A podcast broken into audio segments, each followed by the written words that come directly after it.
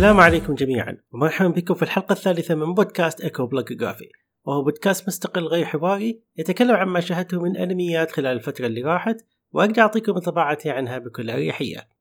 اليوم بتكلم عن أنمي تلفزيوني اسمه Atom The Beginning وهو من تعاون ثلاث كتاب وهم تتسورو كاساهارا وماكوتو تزكا ومسامي يوكي ومن رسم تتسورو كاساهارا وتعاون استديوهات OLM و Production I.G و Signal.MD وهم من فئة السينن من تصنيف أكشن وميكا وخيال علمي. Okay خلوني أتكلم عن الأنمي مع تمنياتي أنكم ما بعتوا مع المقدمة الطويلة. تتمحور قصة الأنمي عن أعجوبتين وهما أوماتارو تنما وهيروشي أوتشانوميزو الذين كرسا حياتهما في علم الروبوتات حيث أن تنما يطمح في صنع أعجوبة وهيروشي يطمح في صنع صديق. وكانت نتيجة جهودهم هو روبوت أيتن 6 ولكن السؤال الذي يطرح عليهما هو هل سيكون أيتن 6 أعجوبة أم صديق؟ إذا الاسمين اللي ذكرتهم قبل شوي مألوف لبعضكم فأنت الآن تشهد أصول عصر الروبوتات في عالم أسترو بوي. أو زي ما كنا نعرفه بكوك العجيب قديما أو الفتى أسترو حاليا. القصة بدت كشغف للزميلين في صنع روبوت يفكر من نفسه ويملك قدرات إضافية قد تكون مفيدة لكن بنظري الشخصي أشوفها كارثية بس سبحان الله تضبط معهم. ملاحظ أن مسار القصة يمشي على حسب شخصياتها ففي كل حلقة كان التركيز الأكثر على شخصية أو شخصيتين في الأنشطة اللي تسويها مثل مشاركة في المهرجانات وخدمة المجتمع.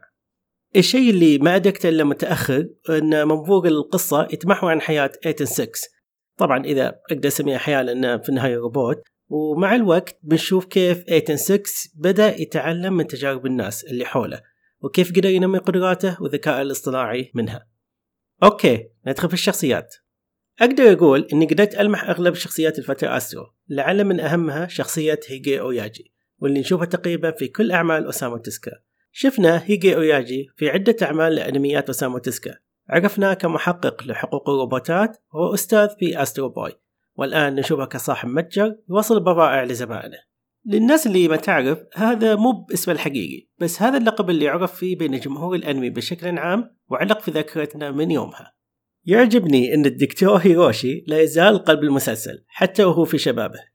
كل الميزات اللي شفتها سابقا في علاقاته الأبوية مع أستر بوي موجودة في علاقته الجميلة مع إيتن 6 واضح إن عجفة الدكتور تنما أيضا لا زالت موجودة حتى في هذا الأنمي. لكن جاي بطريقة كوميدية رهيبة تضيف طابع خاص علاقته مع هيروشي اللي هي أساس كل الأنمي والعامل الرئيسي على نمو وتطور الذكاء الاصطناعي لإيتن 6 اللمسة الأنثوية لطيفة جدا في هذا الأنمي وشخصية ران مسكت زمام الأمور في هذا القسم. لكن للأسف لم يتم استغلالها بشكل كافي. لأني كنت متأمل أني أشوف على الأقل تأثير كبير في شخصية موتوكو في هذا المجال. كوني لاحظت تلميحات كثيرة على تأثيرها وبشكل أخص في شخصية هيروشي. خصوصا أن أغنية النهاية كانت مليانة تلميحات في الأثر على علاقتهما. يمكن أكون غلطان لكني لسه ما قريت المانجا وأعتقد هذه نيتي مستقبلا لأن فعليا الشخصيات هي اللي قدرت تحرك قصة الأنمي وبشكل جميل وجذاب بس لازال مو بكافي. يمكن أكون طماع بس صعب أنام حبيت الشخصيات كثير حتى اللي ما استمرت منها وبغيت زيادة فاعذروني. ندخل للموسيقى. موسيقى الحلقات فيها شوية من الكلاسيكية لأغلب أعمال تزكا بس للأسف ما لها أي تأثير قوي في بعض مشاهد الأنمي. بس أغنية البداية Kaidoku Funou من أداء After the Rain شغل متعوب عليه جدا من ناحية الرسم الإخراج التحريك والتناسق. أما أغنية النهاية Hikari no Hajimari من أداء يوشينو نانجو هي من أفضل النهايات اللي مرت عليها السنة رغم غياب التحريك في الأغنية. فالرسم الجميل قدر يوصل لك مدى العلاقة الحميمة بين الشخصيات وتشعرك بالدفء لما تشوفها. والأغنية ساعدته بشكل كبير في إيصال الفكرة التي عرضت فيها كل رسمة. حلو ندخل عنصر الرسم. هو كان ودي أشوف تصاميم الشخصيات نفس تصاميم أسامة تزكا بس أقدر أتفهم الوضع. كون أن الأوقات تغيرت وعجبني الرسم خصوصا أنهم حافظوا على أساسيات تزكا في تصاميم الشخصيات. أهمها كان الخشب. هذا بالحالة أيقونة فلازم يكون موجود. التحريك كان مميز بحد ذاته بس بصراحة تمنيت انهم تفادوا استخدام ال CG في الروبوتات. لأن الرسم كان يقدر يساعد في إظهار الروبوتات بشكل جذاب بس أحيانا أنهم ما استخدموا من النوع الرخيص الحركة فيه كانت انسيابية مرة بس مو 100% الإخراج في مشاهد الأكشن الأنمي كان جدا ممتاز. في النصف الأول كان أغلب التركيز في المشاهد اللي كتلحق الخاطر للناس كلها تقريبا كلاسيكية. لكن شفت ما سرني منها وأقدر أقول إني استمتعت بها خصوصا بعض الحركات الترفيهية اللي صارت.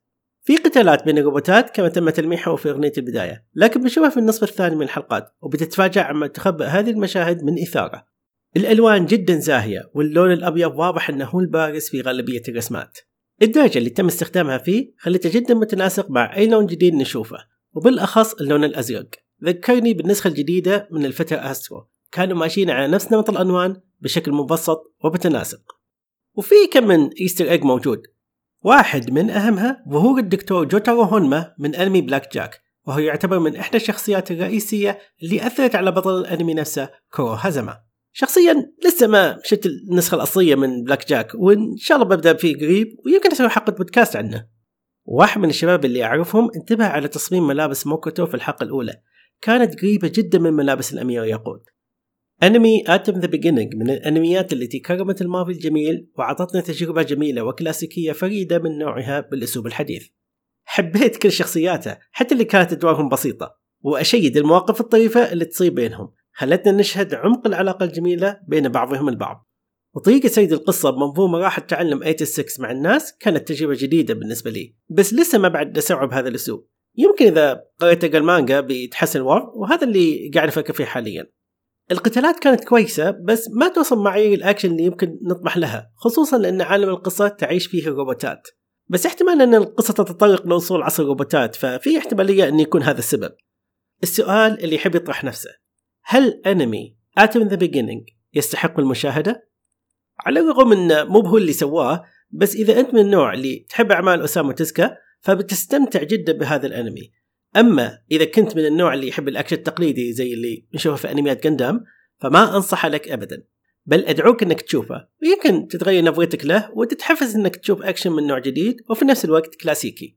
أعتقد أقرب مثال أقدر أعطيك إياه هو قتالات أنمي سانشيرو. اثنينهم تقريبا نفس الأسلوب. طيب هذا كل اللي كان عندي في حلقة البودكاست اليوم. أتمنى إني كنت على حس استضافتكم وأتمنى إني أفدتكم عما تودون مشاهدته من أنميات.